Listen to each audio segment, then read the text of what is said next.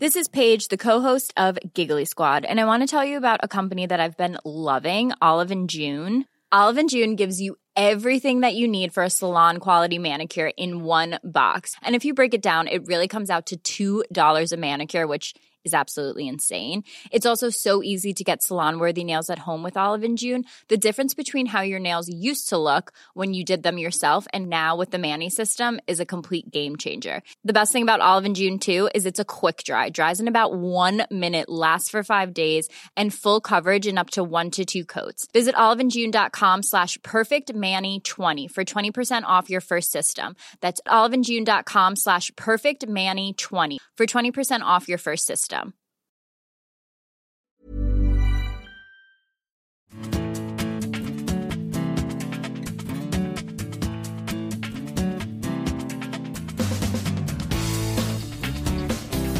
Hei og velkommen til en ny utgave av Aftenpodden Sport. Vi skal feire at det endelig er lov til å slå hverandre helseløse midt i Oslo sentrum en lørdagskveld. Eh, Og da er det selvsagt helt naturlig at vi, tar, eh, at vi har to hardtslående herrer i studio.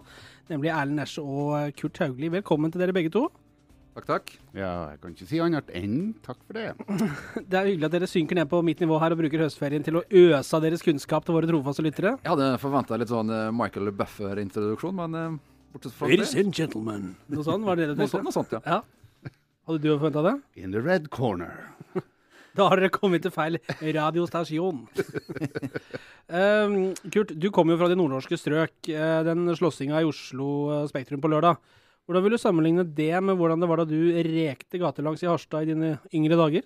Ja, det var, vel, det var vel det vi må kalle på høyden med det beste i gatelangs i Harstad, ja. Det er relativt eh, grei analyse, det, altså. Nei, Det, Det- kunne smelle litt der. det hendte nok at eh, Du vet at eh, da jeg vokste opp på 70- og tidlig 80-tall, så, så stengte utestedene så tidlig at et relativt uh, testosterontent uh, mannlig eh, diskotekpublikum de havna på gata klokka halv ett, og da hendte det nok at det, eh, det, det, det, det, kom noen slag både den ene og andre veien. Uh, jeg, jeg var aldri involvert. nei. Verken i den ene eller andre enden av slagene. Nei, men jeg har boksa. Så Med hansker. Seriøst? Ja. Hvor da? Kjelleren på Hovseter? Nei da, i, eh, i be, Befalsskolen sin gymsal i Harstad. Et, etter fotballtreninga så var det boksetrening, og så hendte det at vi bare slang oss med der. Fikk jo litt juling, selvfølgelig, for at de andre de trente flere ganger i uka. Vi var bare med sånn av og til. Hvordan var det på Nesjestranda i den trygge oppveksten i Norges utkantstrøk, Erlend? Det var helt eh, motsatt. Jeg eh, var aldri ute. Jeg var stort sett hjemme. Jeg satt og leste bøker, og det gikk fint, det. Det gikk bra med meg òg. Nøkkelbind i Aschehoug og Gyllendals Ja da. Ja. Ja, ja da. Ja da. Men vi er jo alle enige om at det var en flott fest. Stivpyntede og øldrikkende politikere og kjendiser, og en ringdame som tilfeldigvis er Norges statsminister. Eh, Det har jo blitt litt rabalder i etterkant, kan dere forstå det? det man kan vel forstå at det, det, det, det er litt spesielt at, at eh, tre ministre stiller som heiagjeng når et såpass kontroversielt idrettsarrangement går av stabelen. Men nå skal det sies at eh, alle de tre som var til stede, de har heia på profesjonell boksing og Cecilia Brekkhus i mange år. Altså. Så unaturlig er det jo heller ikke. Nesje, du var ikke til stede, du ringside, Nei, eller? men jeg satt hjemme på Torshov og fulgte med I biblioteket ditt. i biblioteket mitt der. Eh, og jeg syns jo det var litt sånn severdig. Det, det var, showet ga meg litt sånn danskebåtfølelse. Litt sånn uh, glorete og rølpete og litt sånn uh, småfælt, men severdig. Så var det en veldig historisk kveld. Altså Sportslig var det ikke mye severdig, Erlend. Nei eh, Jo Nei, eh, for så vidt ikke. Vi har vel sett kvinnelige bokser med all respekt til Anne Sofie Mathisen har vært i hakket bedre form. Ja, Men jeg, jeg reagerte allerede når han Kevin uh, Meløs skulle møte han Christian Dultz. Eh, det var lett å gjennomskue at eh, han nordmannen skulle vinne sin proffdebut foran sitt eget hjemmepublikum. Han uh, Dultz, jeg vet ikke hva tyskeren er? Tysker, ja. Bare det at det ikke er Wikipedia sier på han, sier jo litt om han, da. Det sier litt om nivået. Men det, du så det på han, utrent og fæl. Det var rett og slett sjokkerende å se han gå opp i ringen. Og jeg tror at jeg skulle gitt han kamp den kvelden. der. Det er jeg ganske sikker på. Jeg vet ikke om dere eh, husker Ole Klemetsen på indre bane, som var fryktelig høyt oppe. Det er kjempestort at vi får lov altså, Han var jo veldig påskrudd, vår gode venn Lukkøya der, som har gitt oss mange gode øyeblikk. Og det er sikkert bittert. Og han som hadde vel eh, bl.a. Danmark som sin hjemmebane, måtte se at For ikke å si eh, mange gode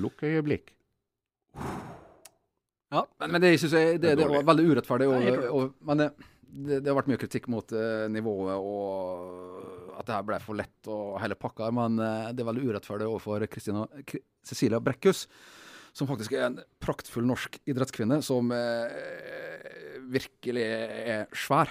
Så jeg syns litt synd på henne. At Mm. det, liksom, det her skal bli ettermælet. Det liksom blod og øl og statsminister som stjal showet og sånn. Det syns jeg er litt dumt, da. Men, men eh, vi har jo tradisjon for å arrangere gode idrettsarrangement i Oslo, blant spesielt da oppe i Holmenkollen. Men det var jo, altså, det var jo ikke noe Det var, sto jo ikke tilbake for noe, det, det showet i Spektrum. Nei, jeg tror jeg forstod det. Jeg var ikke sjøl til stede, altså. Jeg var på konsert. Hvem var, du på, hvem var du på konsert med? Et eh, praktfullt engelsk, engelsk band som heter Madness. Ja, og det er Our House. Our House. In the middle of our street. Ah. Yes. Få en strofe, Nesje, du? Our house Nei. Eh, men, men eh, det her var Jeg satt også med litt følelsen av at hele var over. Så var, jeg satt litt med sånn følelse av at eh, OK, Wembley inviterer til Champions League-finale. Mm. Eh, Real Madrid er på den ene banehalvdelen. Og så tror du at det er Barcelona som eh, skal stoppe motsatt banehalvdel. Men så er det HamKam som kommer i sånne obskure grønne drakter. og jeg kjenner at det grøsser litt, men det føltes litt sånn, altså. Da sier vi takk til dagens sending, og Erlend Nesje, siste gang du er med i Takk. Ja, men uh, jeg, jeg ser poenget. Uh, vi skal ikke bare snakke om boksing i uh, dette lille hørespillet. Nå er endelig Stortinget åpnet. Det skjedde med kongens trontale på mandag. Før kongen snubla ned fra podiet og tilbake til Slottet i god tid til å rekke sesongåpningen av Farmen på TV 2. Det er flere som snubler videre. Jeg tenker da på lederne i norsk idrett. Mandag ble rapporten fra Åpenhetsutvalget presentert. Kurt, du eh, satt på rad eh, to. Tre. tre. Tre, ja. Eh, Da, da Jon G. Bernander, vår venn fra Rikskringkastingen, tidligere presenterte sine funn. Er det grunn til optimisme nå? Er, blir det åpent og fint heretter? Eh, det blir i hvert fall ikke verre. Det, eh, men eh, det som, det som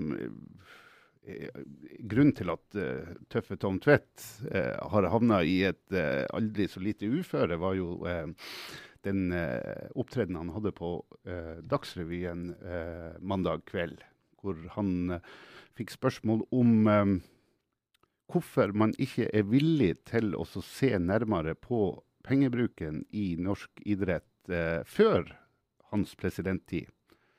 Eh, svarene eh, som han kom med, må vi vel kalle for uh, Ja, det, det, det er sånn skoddeprat at det, det, det, det, det, det Og det innser han nok sjøl. Uh, Men hvorfor, hvorfor blir det sånn hele tida da?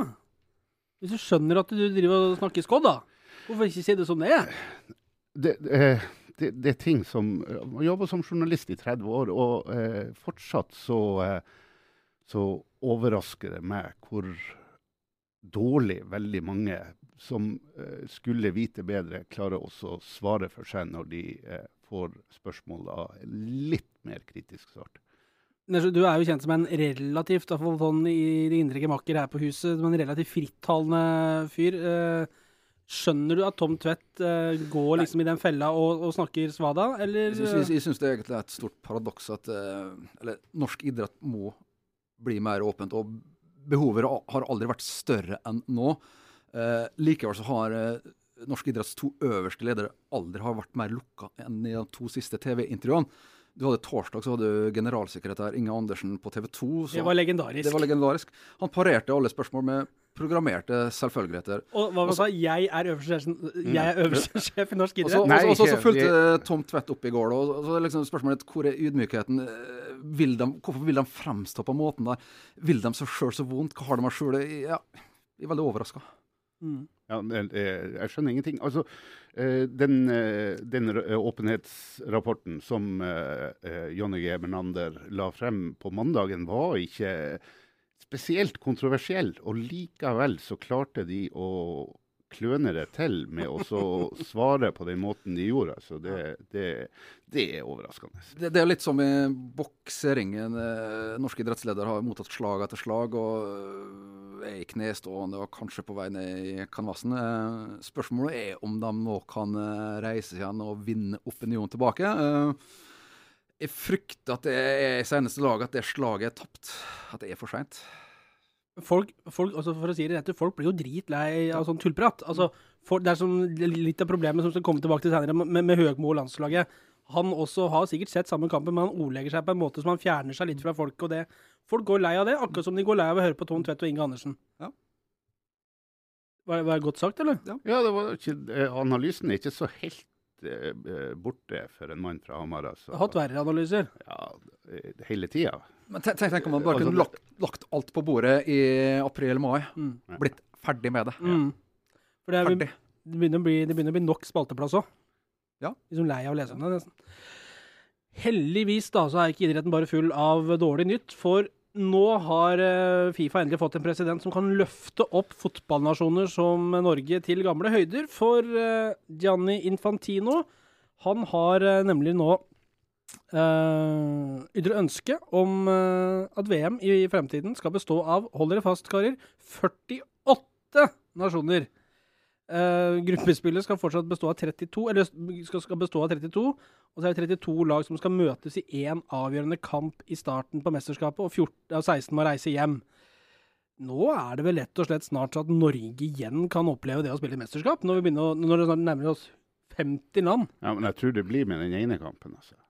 Jo, men det er om må være mye bedre enn ingen. Men eh, alle skal tydeligvis med. Liksom, eh, når 48 av 211 medlemsland i Fifa skal med, det, det, det vil si drøyt 20% Alle skal få det. ja, ja, alle skal få, alle skal med. Eh, så spørsmålet skal vi ha kvantitet eller kvalitet. Jeg ville valgt kvalitet og håper virkelig Infantino bestemmer seg, og Fifa bestemmer seg for det motsatte i januar. Det er et idiotisk forslag. Glem det. Få det bort. Jeg vil heller ha 24 lag. Eh, gjør det mer eksklusivt og enda gjevere. 32 lag er for mange da. Og vi fikk det jo bevist i sommer under EM, Mm. eh, som var økt til 24 lag, at det var åtte lag for mye. Kanskje burde vært enda færre. Det var et svakt EM fordi at det ble for mange uinteressante kamper i gruppe, gruppespillet spesielt, for at det Mm. var for lett å ta seg videre. Hauglie, du, du, du har jo ofte en mening som nasjonen sånn som kan lene seg på. Er ikke det bra for Norge?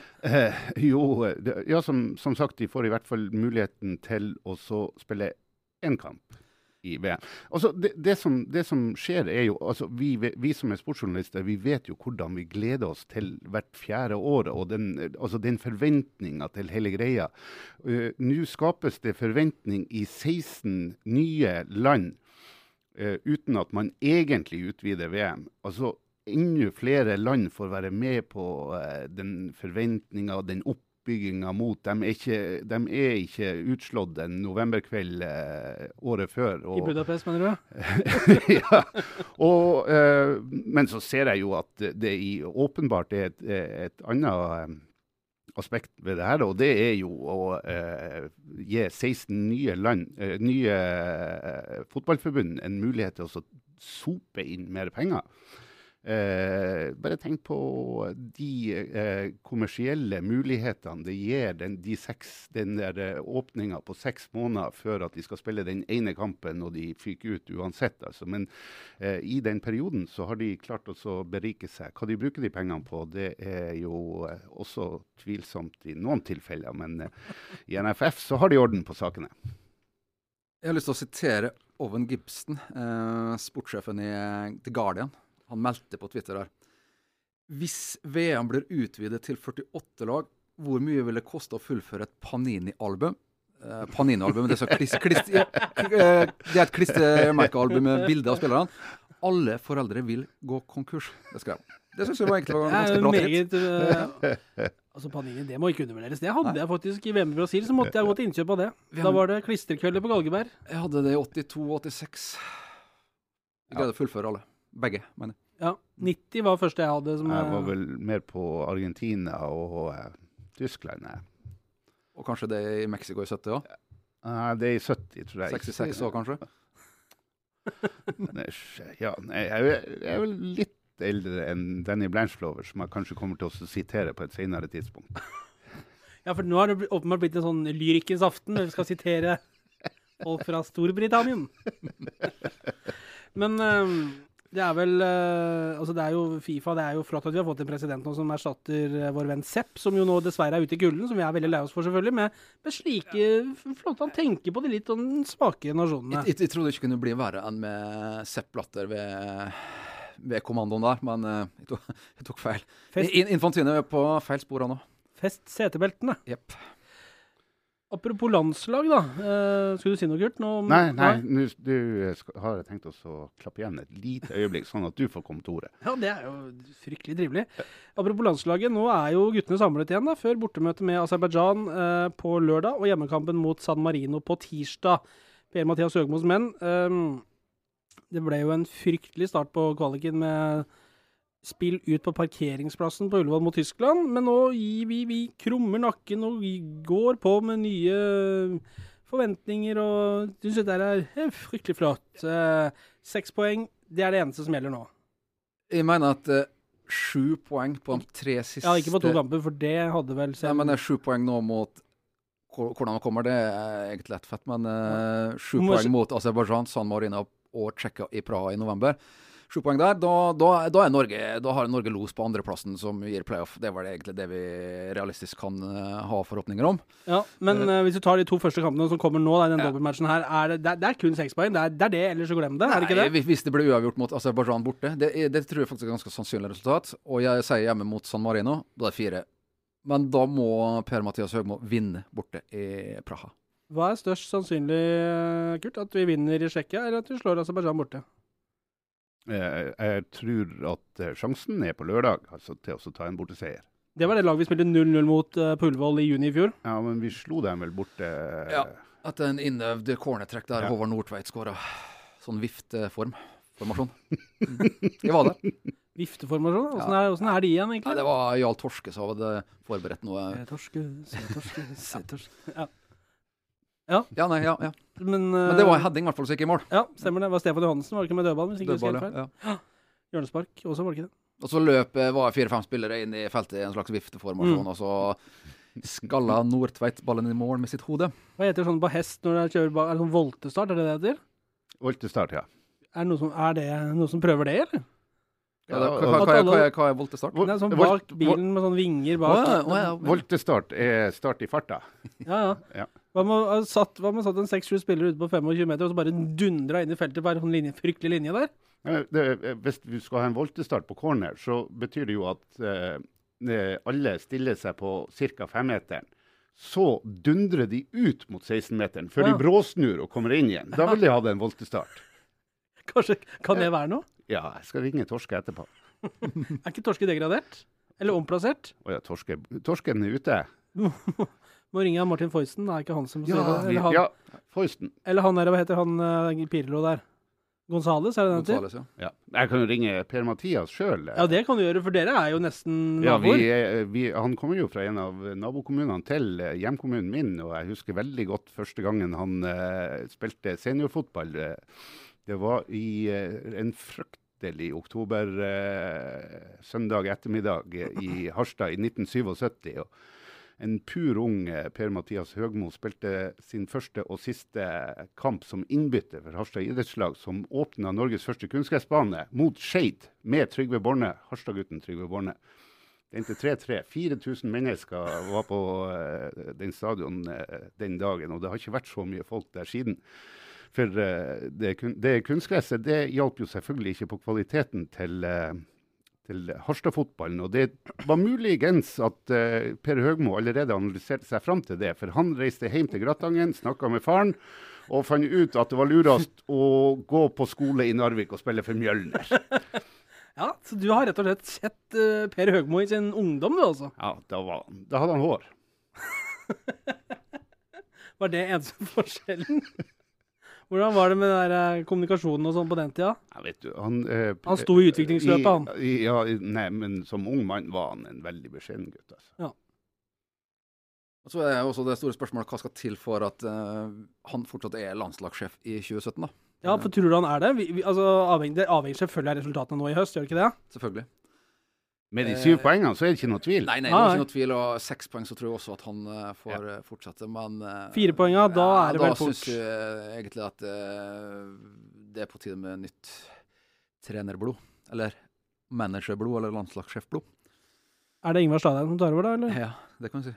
Nei, det er litt sånn eh, Hvem skal overta? Liksom Mange peker på Ståle Solbakken, men eh,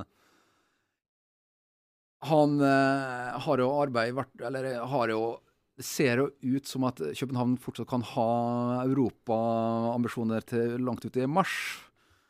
Og da er ikke han ledig på en stund. Så Var ikke det, det omtrent det samme sist eh, Ståle var aktuell? Men så er spørsmålet også at eh, hvis NFF vil ha Ståle Det er ikke sikkert at han vil, da. Uh, ikke så langt ifra sikker på det nå. Det handler om timinger. og det er klart at Med europasuksess med København nå, så er han ekstremt attraktiv. eh, Eller i hvert fall attraktiv for en del ganske bra klubber ute i Europa. Gikk jo bra sist, det. Ja, ja, men da får han en ny sjanse her. Uh, han har alderen til det. Men hvis han kommer hjem og tar over Norge nå, så sjansen for å ikke gjøre det så ekstremt bra der, er jo også stor. Og da kommer han i hvert fall ikke til Europa igjen. Så moralen er egentlig avslutt med landslagsjobben. ja, ja nei, nei, men jeg tror det. Ja, at, det er interessant, eh, resonnement, det. Ja. Og Den Erik Hamren er jo ledig. Lagerbäck var ledig. Hvis det skulle skje, da. Kurt er ledig. Nei. Ja. Og hun eh, Hva heter hun? Knutsen? Monica Knudsen? Monica Knutsen, som eh, fikk fyken i Lillestrøm. Nei, hun fikk ikke fyken. Nei, Hun Ga seg vel. Hun må ga Prøv å være litt presis, det er ikke mye vi ber om, men at de ikke ljuger på lufta, hadde vært ålreit. Men Monica Knutsen, hadde ikke det vært en idé? Det hadde vært veldig kult da, hvis de hadde gått for ei dame, men det gjør de ikke. Nei, det er jo helt utenkt. Det gjør de ikke. Naturligvis heller kjøre uten. Men hun, hun, hun har jo et fryktelig godt rulleblad. Blad. Det hadde vært innmari artig om eh, Norge var en foregangsnasjon der, da. Ja, Ja. det, altså, øh, ø, ø, veldig mange i Norge og ute der blant folk, de, de sier ja, hvorfor ikke? Hvorfor ikke? Altså, det kan jo ikke bli så søkkende mye verre enn det er. Ja, det er interessant tanke. Monica Knutsen med Hege Riise der. Eh, får det beste ut av Martin Ødegaard og Ja. Ja. Må snakke høyere. Enda høyere. Hvorfor ikke? Hvorfor ikke? Uh, mens landslaget da skal i aksjon, så betyr det at det er pause i Eliteserien. Uh, for noen så betyr det en, en eh, et par ukers kamppause nå med hjerte i halsen og høy puls. For det, mens Rosenborg er suveren seriemester, så ligger det an til en fryktelig spennende avslutning i bunnstriden. Start er allerede nede, til Erlend Nesjes store glede. for Han meldte allerede i fjor at det var et sjarmløst lag som burde gå ned. Da berga de seg i kvalik mot Jerv, men nå er de nede, Erlend, og det må føles godt for deg. Det er helt greit. Det, det, ok, det, De har ikke vært gode nok de to siste, tre siste årene. Det, så, så, så det er liksom eh, Da må du ned, da. Det, Det ikke... nedrykket i år det var på en måte varsla allerede for et års tid siden. Men hvem, spørsmålet er jo da hvem slår følge? Eh, nå er det jo eh, Lillestrøm ligger fryktelig dårlig an. Stabæk, Bodø-Glimt, eh, Tromsø og faktisk Vålerenga. Det er jo alle lag der som kan gå ned. Ja, ja, det, det, det, er fem, det, det er fem lag. Eh, Vålerenga har 30, Glimt har 30, Tromsø har 30, Stabæk har 27 og Lillestrøm har 26. Eh, jeg har sett på alle matchene som gjenstår nå. Fire runder igjen. Så fasiten er her. Jeg kan vel avsløre den allerede nå, Ja, så er vi liksom ferdig med det. så kan vi ta ringerunde etterpå. Det kan vi godt gjøre. Uh, det blir ekstremt spennende og tight. Jeg har eh, gått gjennom de mest sannsynlige resultatene i hver kamp med involverte bunnlag. Tromsø ender på 34 poeng. Lillestrøm på 32 med minus 5 i målforskjell. Vålerenga 32 minus 6. Stabæk 32 minus 7 og for kvalik. Glimt 32 poeng minus 10. Altså, altså Så fire lag på 32 poeng. Ja, så Glimt går ned, da. Og Stabæk på kvalik. ja, da, da er det Glimt ned og Stabæk på kvalik. Og det her er sånn, det, det er mest sannsynlige resultatet, sånn som jeg ser det i dag. da. Mm. Det som, det som er litt, en liten kuriosa i den uh, avslutninga Lillestrøm og Stabæk, nest sist og tredje sist, skal møte tre uh, I tre av de fire siste lagene sine møter de de samme lagene. Mm. Men så har du også da Vålerenga, som også i de tre neste har tre dumpekandidater. Mm. Først hjemme mot Stabæk, borte mot Tromsø på Alfheim når det begynner å bli ordentlig kaldt der i 21. oktober. Tre meter snø og så 30. oktober hjemme på Ullevål mot Lillestrøm. De kampene ender alltid 1-1, så Men eh, den kampen Oi, oi, oi. Olala. la la. Men øh, så hvis da Hvis nå fasiten Det skjer jo ikke, men hvis fasiten skulle slå feil her, hvis det er feil i fasiten, da, Ja. Det, ja vel. og enten Lillestrøm eller Vålerenga skulle gått ned, hvem av de hadde hatt uh, størst sjanse for å klare seg i førstedivisjon og reise seg igjen? Uff, det er et vanskelig spørsmål, men Vålerenga har uh, en bakbane, i hvert fall med midler, uh, til å kunne hjelpe dem opp igjen. Tenk deg deilig å overta Vålerenga først. Eh, ja og, jeg, jeg tror kanskje Vålerenga hadde hatt størst sjanse. Eh, de sliter med økonomien på Åråsen. Og Men la oss si det sånn at hvis begge de to lagene røkka ned, så ville jeg blitt veldig overraska om ikke det var de to samme lagene som røkka direkte opp neste sesong. Altså. Men ja, både Lillestrøm og Vålerenga ned, ja. Det hadde vært, eh, det hadde vært noe, hæ? Det er snadder. jeg, jeg, jeg, jeg syns det hadde vært utrolig kjedelig om de røyk Ja. ned til neste år. Klart det er Det- For altså, Eliteserien, så ja. Å få Jerv eh, HFK. Kristiansund. Kristiansund, Sandefjord og Jerv eller eh, noe sånt opp igjen, og det hadde jo Eller ja, Kongsvinger for den del. Uff, det går ikke. Det går ikke. Um, men I første må ikke la følelsene ta over henne. Nei. Nei. Gjør, gjør aldri det. Førstedivisjon, det blir også spennende. Eh, altså, Kristiansund leder jo i førersetet der. Snudde mot Ullkisa mandag kveld. Og så er det Sandefjord som ligger på plassen bak. Og så er det Jerv, Sandnes Ulf, Mjøndalen og Kongsvinger som halser rett etter der igjen. Det er jo det er artig når det er spennende utover høsten, da, at det er liksom noe å spille for et eller annet sted. Ja, og jeg, jeg, jeg husker fra i fjor høst, det var jo um, Kristiansund på vei til oss å Ja. rykke opp.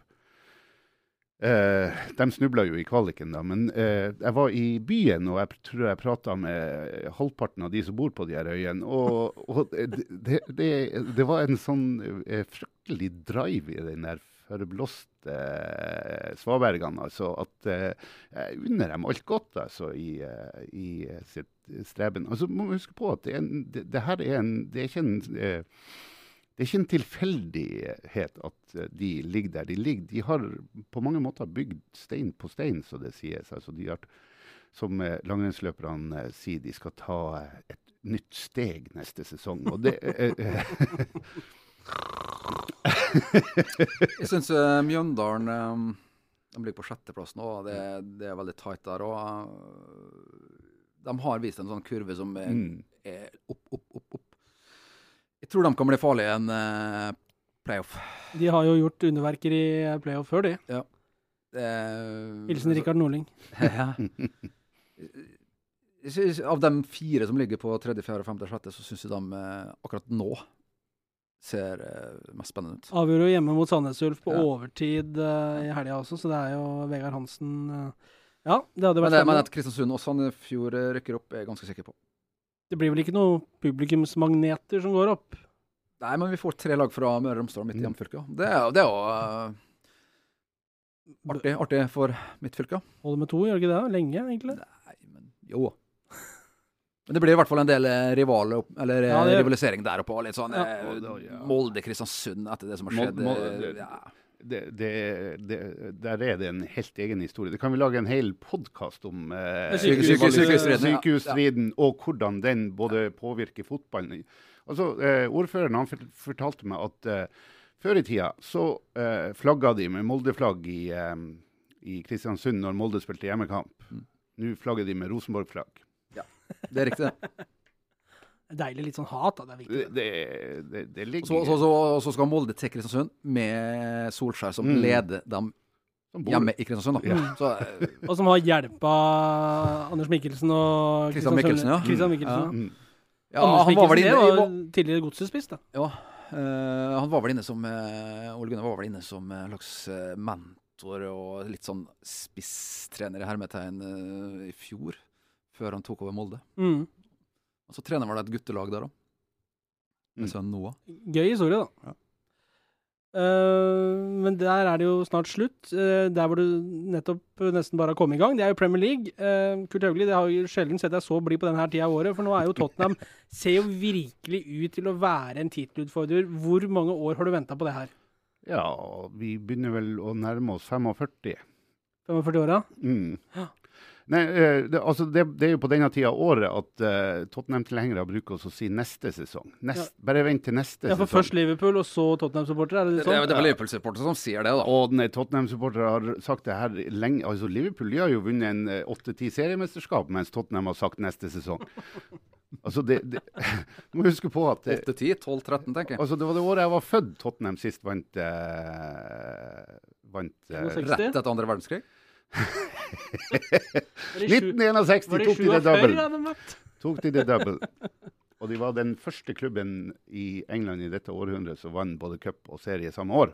Det har vært utrolig festlig om de har greid det, da, men eh, Ja, nei, nei, jeg, jeg, jeg, jeg, jeg tror jeg, jeg er veldig glad for at det er artig fortsatt, og at, eh, men eh, Jeg meg det, altså. Jeg, jeg, jeg, jeg er også skeptisk eh, til at eh, de eh, går eh, Altså med tanke på den kollapsen de hadde på slutten de fire siste- tre-fire siste kampene i forrige sesong, Mm.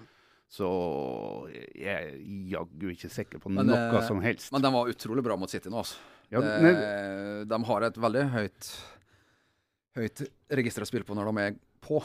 ja, nei, du, du har et Tottenham-lag som, eh, som på mange måter er mulig å kjenne igjen, bortsett fra én ting. De, eh, de gjør ikke de her eh, altså, Tottenham kan jo, har jo alltid kunnet spille glitrende i 49 minutter, og så eh, går en forsvarer på ræva, og så, og så glemmer en høyreback all markering, og så står det 2-0, og så er, er elendigheten i gang igjen. Men uh, City med Pep Guardiola Jeg ser det snakkes nå om, om, om man må forsterke i januarvinduet. Men gud hjelpe meg, hvem skal han hente da? Altså, se på den stallen, da. Jeg vet bare hvem han bør sette ut, og det er Kolarov. Kolargol. Kolarov, Kolarov eller hva faen. Unnskyld. Nei, men eh, City, City er, er min eh, ganske klare gullkandidat. Eh, De har sett ekstremt sterke ut nå. Det umiddelbare behovet for en sånn stor signering er vel ikke der i januar, akkurat sånn som det ser ut nå, da. Nei, men Det er vel egentlig ingen av disse store som har det. De har jo noen fryktelige staller. Ja, jeg syns det, jeg syns det ser bra ut, stallene til de fleste der oppe. Uh, men Men Chelsea og United er bit, altså, ikke langt bak, da, men de er et lite hakk bak uh, de andre fire. Men det, det er spilt bare sju kamper. Det er liksom la, Jeg mener at den ligaen der ikke har satt seg helt ennå. Jeg tror vi skal vente en måned eller to før vi liksom på en måte eh, analyserer det noe videre. Så syns jeg også Liverpool ser ganske spennende ut. Mm. Eh, hadde det her vært i fjor det, Eller den seieren på lørdag var nok ganske eh, viktig for Liverpool-supporterne i fjor, på samme tidspunktet. Så ville nok Liverpool kanskje ha spilt uavgjort eller tapt den matchen, men nå greide de å snu, liksom. Uh, de har alltid hatt sånne blackouts mot lag de skal slå. Mm. Gjerne fire-fem i samme sesong, men Mm. nå, nå har de faktisk unngått det i år, borte fra mot Burnley borte i andre runde. Men det, de må spille bra fotball, altså. Mm. Jeg, jeg så en sak her uh, om at uh, Manchester United sin tropp er verdt over 6,4 milliarder kroner. Og skal være tidenes dyreste uh, tropp i et fotballag noensinne.